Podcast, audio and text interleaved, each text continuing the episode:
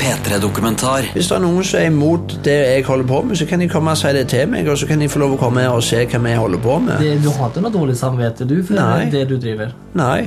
Det er en lovlig næring, en kjempespennende næring. Det er jo bare folk, vi òg, og, og jeg har fått melding der de skulle drepe meg og flå ungene mine. De utskjelte. En P3-dokumentar om unge pelsbønder. Mitt navn er Narese Koll.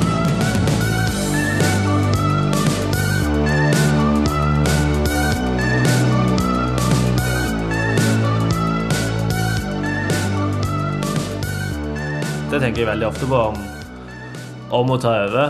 Det, det er helt klart. Eh, Men det er veldig mye arbeid. Det er, det, det er ikke en åtte til fire-jobb, liksom. Det er opp, Vi står opp. Pappa er oppe i seks-sju-tida. Da begynner det som regel dagen med at du går ut og du låser opp alle dører, hengelås på alle dørene. Så låser vi opp da, og går gjennom og ser litt at det ser greit ut. og at dyra har det greit, Så fôrer vi over en runde. Så går vi, går vi her borte en dag, eksempel, så går vi og kanskje hogger litt tømmer eller rensker under buret, eller eh, så går, over, så går vi over liksom en gang på kvelden og ser over liksom at det ser greit ut, og så har vi forum om kvelden, og så går vi over og låser. Og da er du hjemme, da er du inne igjen i, da er du kanskje inne i sjutida.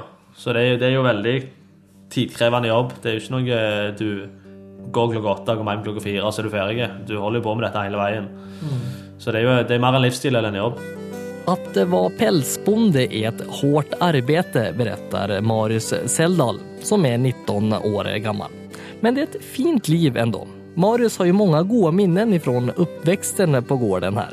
Speciellt når hele familjen hjelpte til under den årlige pelsingen av minkene. Du hadde jo alt området her, og du hadde bakker du om vinteren du kunne renne på. Om sommeren så kunne du gå og springe rundt som du ville, og sykle. og Så var det mye vi borte og jobbet. Og når vi var yngre, så var det jo Da pelste vi minken hjemme. Nå bare slakter man hjemme, og så sender vi Så er det et pelseri ute på, på Jæren som vi sender det til. Så pappa var har bygd. Så da ble alt sendt ut der vi før, så var vi jo med sjøl, og da var det meg og så jeg, tre, jeg har tre storesøstre. Så alle de tre var med, og mamma og pappa var med, og morfar var med, liksom. Så alle var med og bidro da når det var pelsing. For da at det var, det var veldig mye arbeid, da. Ja, for Hva er det man gjør da? Altså, når de holdt på og gjorde det selv, som du sa?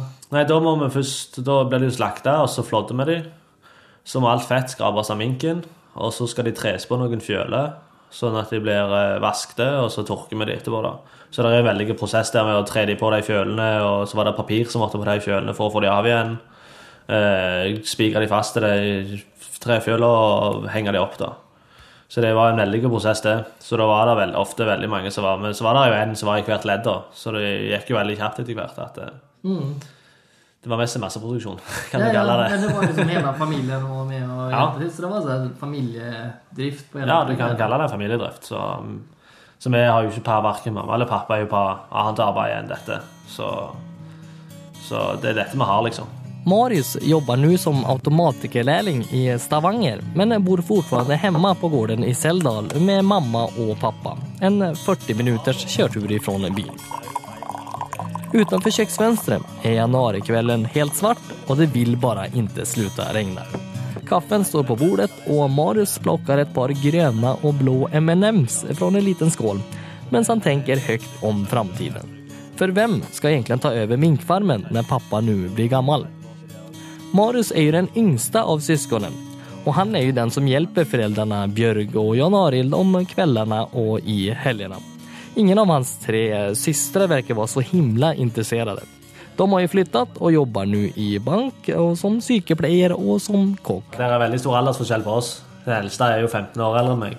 Så er den ei på, ei på 11 år eller ei på 7 år eldre, så de har jo både unger, alle tre. Og, så de er veldig da.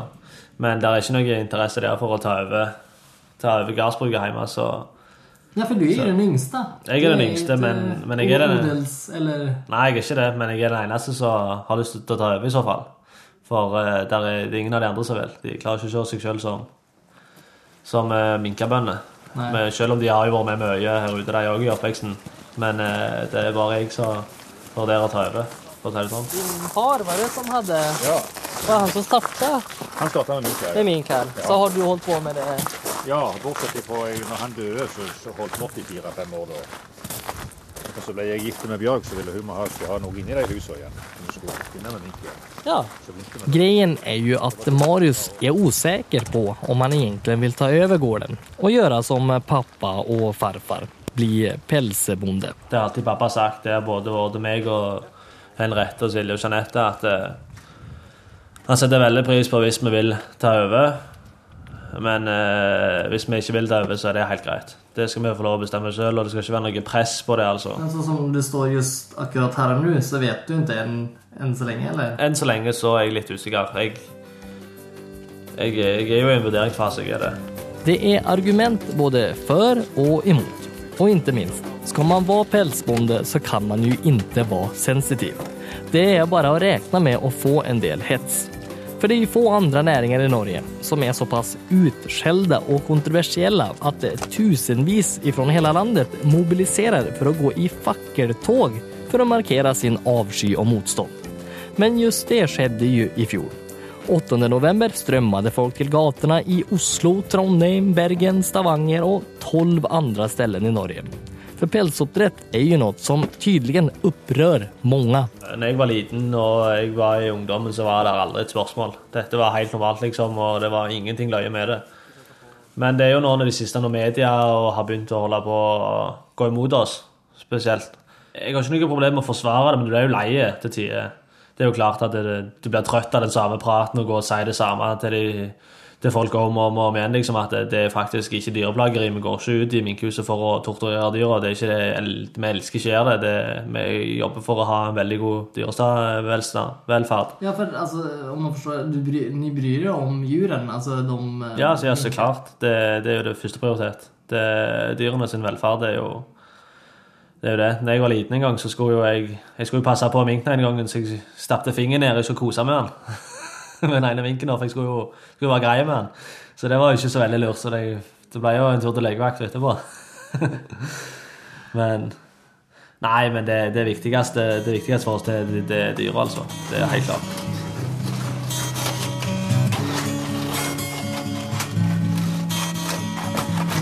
Skrapa liksom på oversiden av gallret liksom. Matrestene som ligger 30 år gamle Bjørn Kjetil Frafjord skal til å fora sine 1700 minker i sitt relativt nye fjøs. Men innan han kan slenge seg oppå på kjøre rundt runt med foringsmaskinen så måtte gammel mat skrapes bort ifrån de grå stålburen som minkene lever sine liv i. Det er, det er liksom en, en Konsistensen på maten er liksom en tjukk eller grøt-lignende Ja. drevje. Shit, det ser liksom ut som det er så langt innover, liksom når man ser bortover. Hvor mange liksom rek rekker det du har av bur nå innover, eller? Så kan si Likevel, om, der er, om de er sultne, så hører du hvor rolig det er her inne. i Ja, de sier jo i vel ingenting.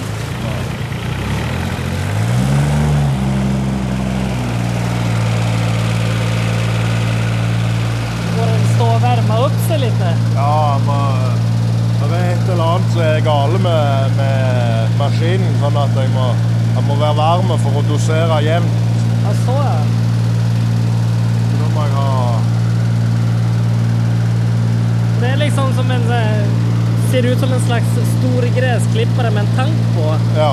Med liksom Så, så fôr- eller sånn. ja, så er det en, en slange. Vi, vi fyller fôret oppi den tanken framme, og så har vi en slange ut på sida. Og så er det ei fòrpumpe som vi styrer med en pedal, og så legger vi ut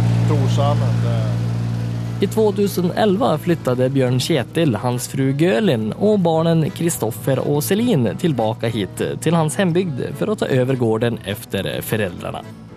Och för att säga det så, eh, Frafjord i Rogaland är inte direkt någon metropol. Här bor runt eh, 120 människor fördelade på runt 20 gårdar. Det är ju väldigt fint då. Det var det første jeg så da jeg kom at det var en sånn grønn dal Mm. Og veldig så her, djup eller så veldig høye fjell ved siden av. ja. Og snø på toppene. det er, jo det er en djup dal, spesielt. Eh, Han er ca. 1 km brei, og så er fjellet 500-600 meter rett opp på sidene, så det, det er jo litt spesielt sånn. Så, men det er noe med Det har vært greit samhold her inne. og Alle kjenner alle. Men Ja. Hvis du ikke vet hva du gjør sjøl, så vet iallfall naboen det. Selv om han bare blir med opp. Ja, bra. Ja, som her bekken her som du har, det, Dette er noen salmeboker. Ja, det er som har ligget i huset her. det er eller sånn som har fulgt gården i alle år. Men du ser jo skrifta 'Hva fører du?' Ja, det er jo dansk, vet du. Gammel, gammel språk. Det er jo et av de eldste husene det som jeg bor i. Et av de eldste husene som er her i dalen. Det er jo flere gamle hus, altså, men dette er et av de eldste. Og etter så farfar min sier, så spurte han farfaren sin, altså det blir min tipp-tippoldefar, og han visste ikke hvor gammelt huset var. Det har jo vært drift her i, i ja, mange generasjoner. Før i tiden, når Bjørn Kjetil vokste opp, så var det gårdsdrift med koser og mjølk på alle gårdene rundt om her. Nå er det bare två igjen. Typisk for den generelle utviklingen inom landbruket. Det blir færre, men større gårder. Om man nu skal tjene penger på at det var bonde. Det er et voldsomt race. Du skal produsere mer og mer, du skal være mer og mer effektive, og du skal, det skal koste mindre og mindre. Den eh, melkeproduksjonen som vi hadde på gården, den var så liten at vi Og, og der sto Vi måtte ta tunge investeringer for å fortsette, og, og basere det på eh, innkjøpt grovfôr. Og da blir økonomien så dårlig at det går mest ikke an å, å leve av det. Og da, da var liksom ikke det et alternativ, for det, det, er, ikke, det er ikke interessant å gå og, og jobbe seg halvt i hæl og, og ikke ha råd til å reise på ferie. Det, det er ikke interessant for noen. Så da, da var det jo litt sonderinger og se hva det er, og, og sammen med folk og se på hva økonomi er i det forskjellige produksjoner og sånt noe. Så hun var rundt og kikket på det. Eh, Forskjellige minkhus og forskjellige løsninger på det, og hvordan det fungerte. Og når jeg hadde sett det med egne øyne, så var det ikke så vanskelig. Da, da falt valget til slutt på, på mink og kylling og sau som er her. Det er en grei kombinasjon, og det er, det er penger nok i det til at både meg og kona kan gå hjemme og leve av gården. Jeg ler så av meg når jeg kjører den der lille saken der. Jeg er jo ikke akkurat liten i størrelse, den er ikke heller stor. Men er är det det da? då? Det er for eh, det er sånn uh, For eh, halmen eller? Liten kompaktlaster. kompaktlasta. kompaktlast. og Når Det, han kommer kjørende forbi, så, Ja, da, da. så prøver jeg å ta bilde av han, for det går jo dritseint. det går ikke så Og så sitter han og gjemmer seg og liksom gjør alt jeg ikke så får. går det seint. Ser ut som en sån där Og så gir han gass med han, så støyler han med han. Og det ser så lavt ut. Det er så här eh, råning på ja, lavt nivå liksom. Det Det, er da jeg er stolt av å være gift med. Så kan kjøre en sånn liten blå kul maskin liksom. ja, ja, ja, det er er Men jeg forstår det altså. Men, men, men, Vad er liksom det vanskeligste då eh, med å liksom drive holde på med minkavl og pelsdyroppdrett? En annen gårdsdrift av sau, kylling, ku. Nei, det er klart eh, Det der mediekjøret som er, og den hetsen vi får, spesielt i sosiale medier, det er jo ikke, det er jo ikke kjekt. Men eh, så er det litt å ikke legge det så mye på seg heller. Hur upplevs Men... denna, om man får eh, fråga lite om det? Att liksom all, alla alltså, har en förmening. Ja, ja, alle med. mener jo noe om det som jeg holder på med, selv om de aldri har sett det med egne øyne. Det er klart, det, det føles jo veldig urettferdig. Eh, og, og sånn som jeg har sagt i, i mange diskusjoner i sosiale medier òg, at det gjør deg litt kjent med det du diskuterer om, før du, før du virkelig går til, til angrep på oss. For, for det skinner så gjennom at det er mange som ikke vet hva de snakker om. Og det sånne bilder som har kommet fram på NRK, det, det er ikke bra. Det er sånn, sånne ting som skjer, det, og det er ikke bra. Men ifra eh, Altså, det, det som er viktig, er at det, det blir håndtert. Og det gjør det. I stort sett alle pelsdyrgårder. 9 december i fjor så sendes jo tv-dokumentaren 'Pels' på NRK Brennpunkt. Og den skapte masse debatt. Skjulte filmopptak viste bønder som ikke brydde seg om dyrevelferd, og at minkar og rever var skadade og hadde det ganske så illa. Kritikerna menar ju att det här är något som ständigt sker och att det är dyreplageri att ha mink och räv i fångenskap i små bur. Därför borde ju bara hela näringen läggas ner. Pälsnäringen själv, som Bjørn Björn Kjetil, menar ju att det som visades i dokumentären inte alls är representativt och att de allra flesta pälsbönderna bryr sig om djuren och följer alla reglerna. Jeg eh, jobber hver dag for at jeg skal drive med dette så lenge jeg er i stand til å jobbe. Så, Så får det komme det som kommer. så får det komme det som kommer. Det står her i disse. Og blod er en altså Det er veldig mye proteiner i blod. Men det er en sånn eksplosiv vare, så hvis ikke den blir håndtert godt, så er den ødelagt på, på kort tid. Hva er det for blod da? Erik Eidsvik i Rogaland Pelsdyrfòrlag viser oss rundt på anlegget, som er landets største fòrprodusent for mink og räv. Hit til Sirevåg så kommer det slakt og fiskeavskjær fra rundt omkring som blandas ihop og som til slutt kjøres ut til pelsgårdene i regionen.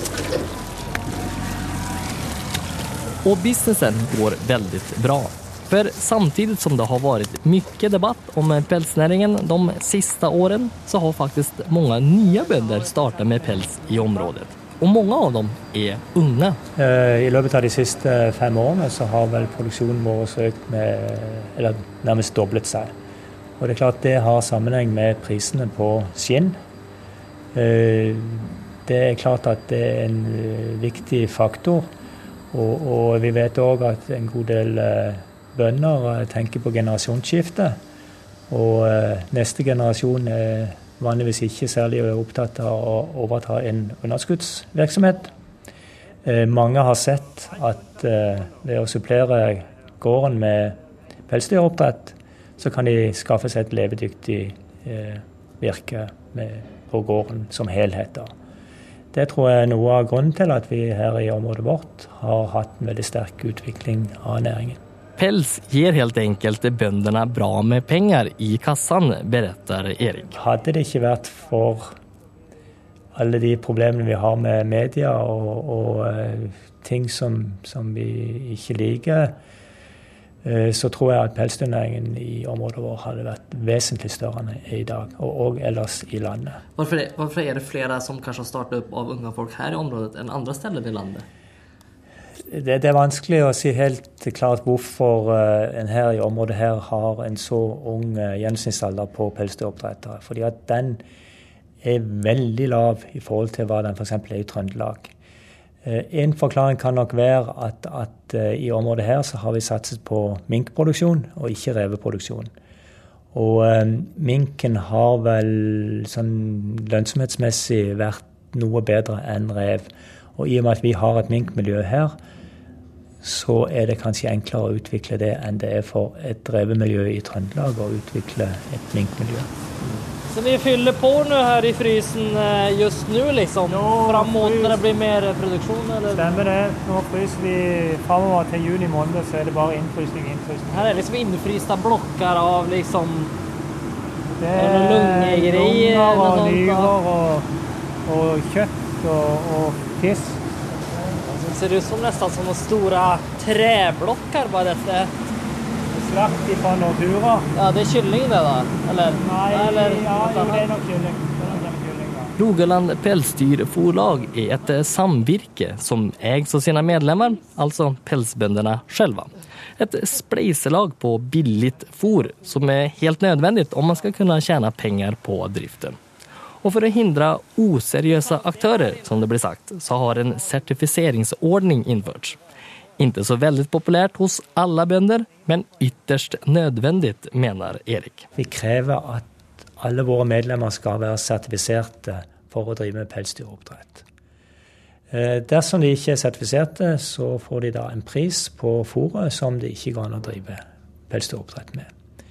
Det betyr òg at dersom en eh, pelsdyroppdretter mister sertifikatet eh, av ulike grunner, så vil han, eh, om han ikke har reetablert sertifikatet innen tre måneder, miste medlemskapet og få forutsetninger for pelsdyrdrift som ikke er holdbare, og må, vil måtte avvikle.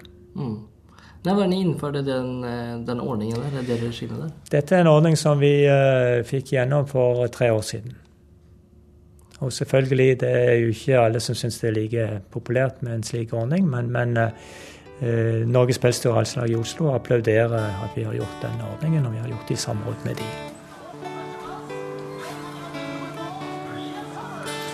Hei, hei. Har dere gjort lekser? Hei, Siv. stå du, Kristoffer, gjort lekser? Jeg venter på at du, du skal komme inn. Jeg må lese for deg. Ja, men det får vi ta etterpå. Altså, vi, vi er jo bare folk, vi òg, og, og jeg har fått melding med, der de skulle drepe meg og flå ungene mine. Har du fått det? Ja, det har jeg fått på Facebook. Med falske profiler og alt dette her, så det var liksom ikke noe å hente der. Hva, hva tenker man da, eller hva, reagerer du?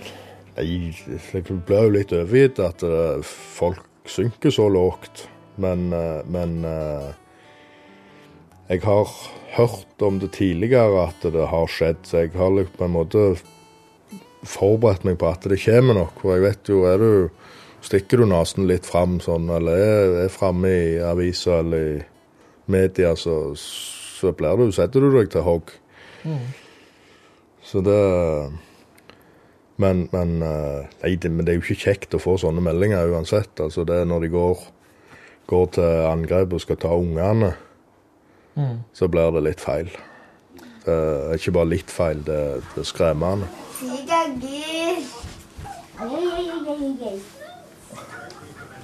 Hva heter katten? Tigergutt. Tigergutt, ja. Det burde jeg ha fatta. Ser ut som en liten tiger.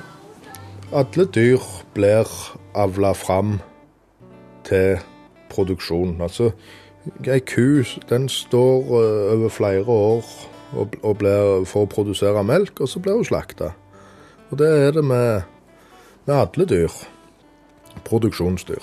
Og, og eh, at det er noen av disse motstanderne våre sier det er ville dyr i bur. Men eh, jeg har ikke ville dyr på, på min gård. For minken min, den er, den er domestisert over 100 generasjoner. At de har vent de til mennesker og, og temt de, alt, rett og slett. Jeg, jeg sier ikke det at, at, minken, at minken min ikke biter, for det gjør de. de. Det er fortsatt et rovdyr, og de har lange, skarpe tenner. og Jeg bruker tjukke, gode hansker når jeg håndterer de. Men, men eh, å si at det er ville dyr, det, det er feil. Men så som de, de som er mot pels, da, jeg må jo ta det liksom, da, som er argumentet, er jo nettopp det at det er jo ikke en nødvendig produkt på samme sett som matproduksjon. Og som bonde, liksom, hur tenker du på det argumentet, da? At det er liksom noe som man selger og eksporterer, liksom, mot at det er folk som eter det rundt matbordet? Liksom.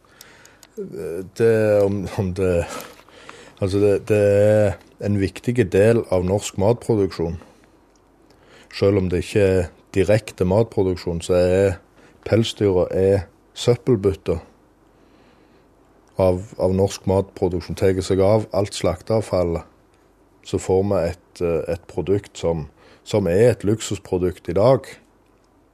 Og du kan jo diskutere nødvendigheten av det ikke, men det er marked for det. Og da, da, da blir det produsert enten det er her eller der.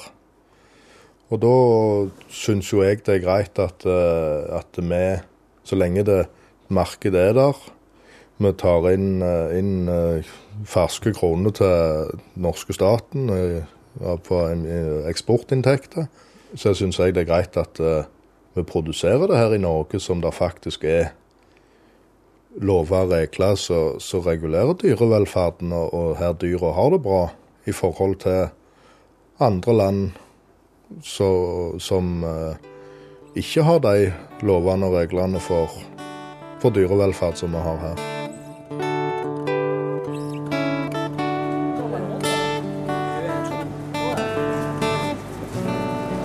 Ja, her inne er det jo ikke kunstig lys. Det er det er ingen lamper i Hvis vi går bare litt Det er ingen lamper i taket. Sånn at når det blir mørkt her, så er det kveld.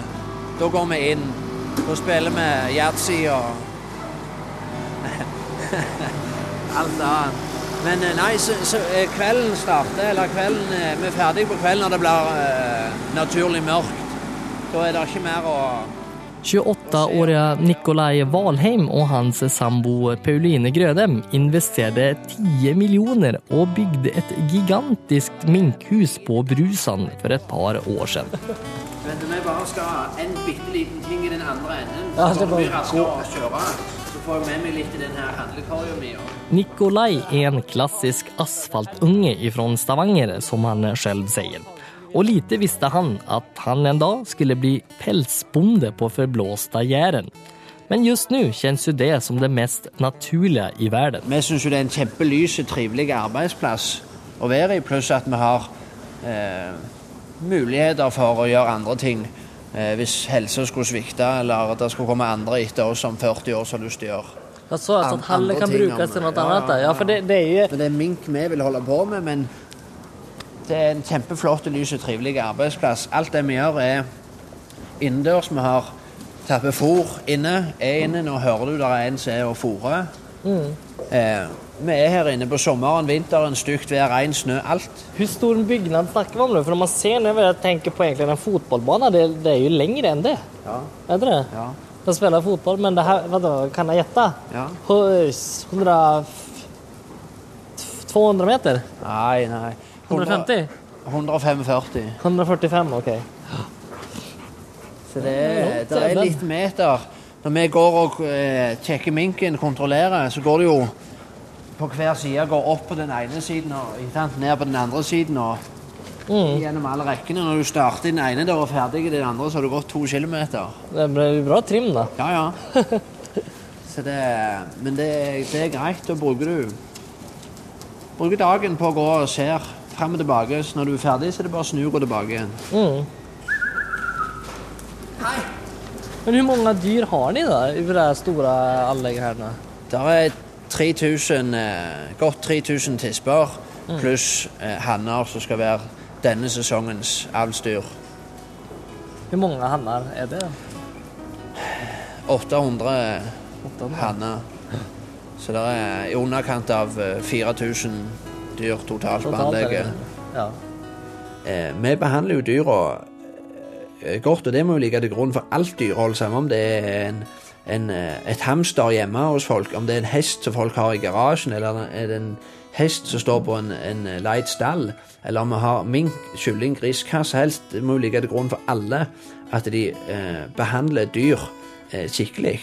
Eh, og så lenge du gjør det etter eh, regelverket, eh, så, så må det være nok for folk. Og nå må de akseptere at vi har mink, for det er lovlig. Vi gjør, vi prøver så godt vi kan å gjøre en god jobb, eh, og verken vi eller minken er tjent med å eh, ha det vondt. Hvis vi ikke gir han mat, hvis vi ikke eh, ser til han, ser at de har det greit, de har vann, eh, så er verken vi eller minken tjent med det. Hvis det er noen som er imot det jeg holder på med, så kan de komme og si det til meg, og så kan de få lov å komme her og se hva vi holder på med. Eh, vi holder på med Vi har en produksjon her som vi er stolte over. Du har ikke noe dårlig samvete du for Nei. det du driver? Nei. Det er en lovlig næring, en kjempespennende næring. Og, og en av de få som kan konkurrere in, på internasjonalt marked. Eh, og det er der vel, eh, så, kjent, så vidt meg bekjent, kun laks og Jarlsbergost som som gjør, eh, produsert i Norge på internasjonalt marked.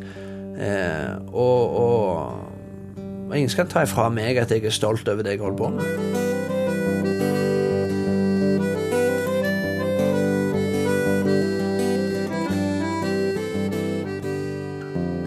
Når du har auksjonen, så er det jo en veldig stor sal. Der sitter et par hundre mann iallfall. Og så, er det liksom ei rekke framme der det sitter der sitter en mann med hammeren, og så sitter det fire folk, to på hver side. Der de sitter og følger med hele veien hvem som gir bud kjappest, for det går liksom De skriker om en annen, så du må hele veien sitte og følge med hvem som, hvem som får budet. Og da når de selger, så selger de lotter, som det heter. Da selger du rundt 140 skinn i en lotter, som du selger om gangen.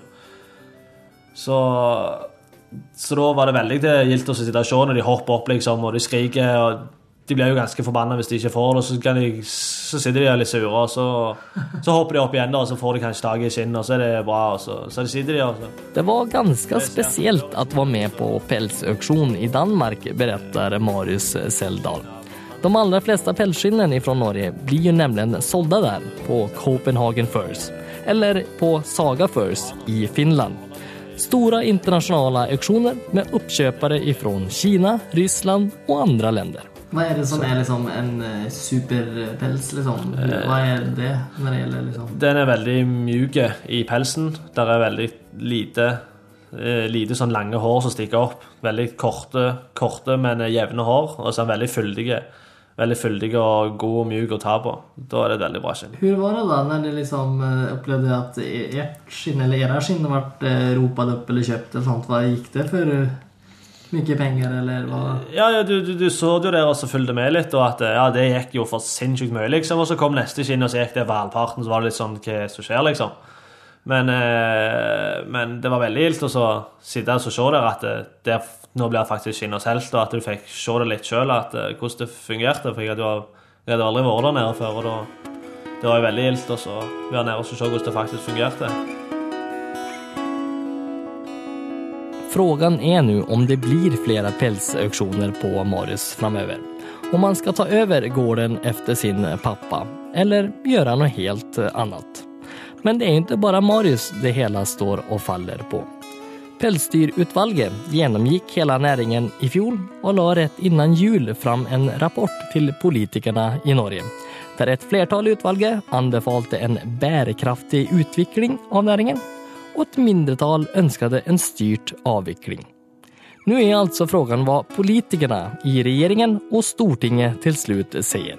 For denne spørsmålet frågan om pels splitter partiene, så inget er vel egentlig avgjort ennå. Om jeg fortsetter, ligger jo foreløpig på regjeringa. Og hvis det blir lagt ned, så fortsetter ikke jeg med mink. Det sier seg jo sjøl. For, Så ja, for om, om de, låter låt oss i att då, du- vi vet jo ingenting om det nå, men i fall at de sier at nei, vi skal avvikle hele regjeringen, mm. Vad skjer liksom med gården her da, som det er bare egentlig holder på med? Hvis det blir styrt avvikling, så går det som regel over en tidsperiode på jeg tipper ti år. At du har lov å Du kan kun gå ned på meg, Du har ikke lov å øke, du har ikke lov å bygge nytt, men du kan bare gå nedover. Så det er det som er med styrt avvikling, at du har ikke lov å utvide noen ting. Så da blir det jo å ha dette her så lenge det går, og så Hvis det skulle bli aktuelt, så hadde vel pappa eventuelt pensjonert seg og sannsynligvis flytta herifra.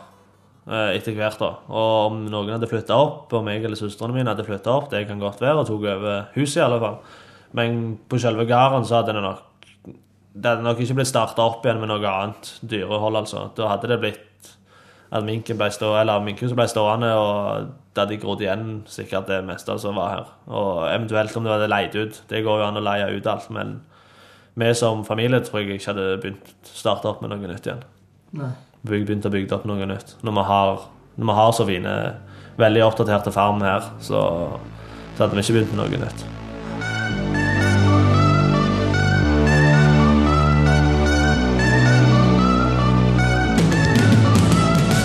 P3 Dokumentar søndag klokka ni på P3 og når du vil på p3.no.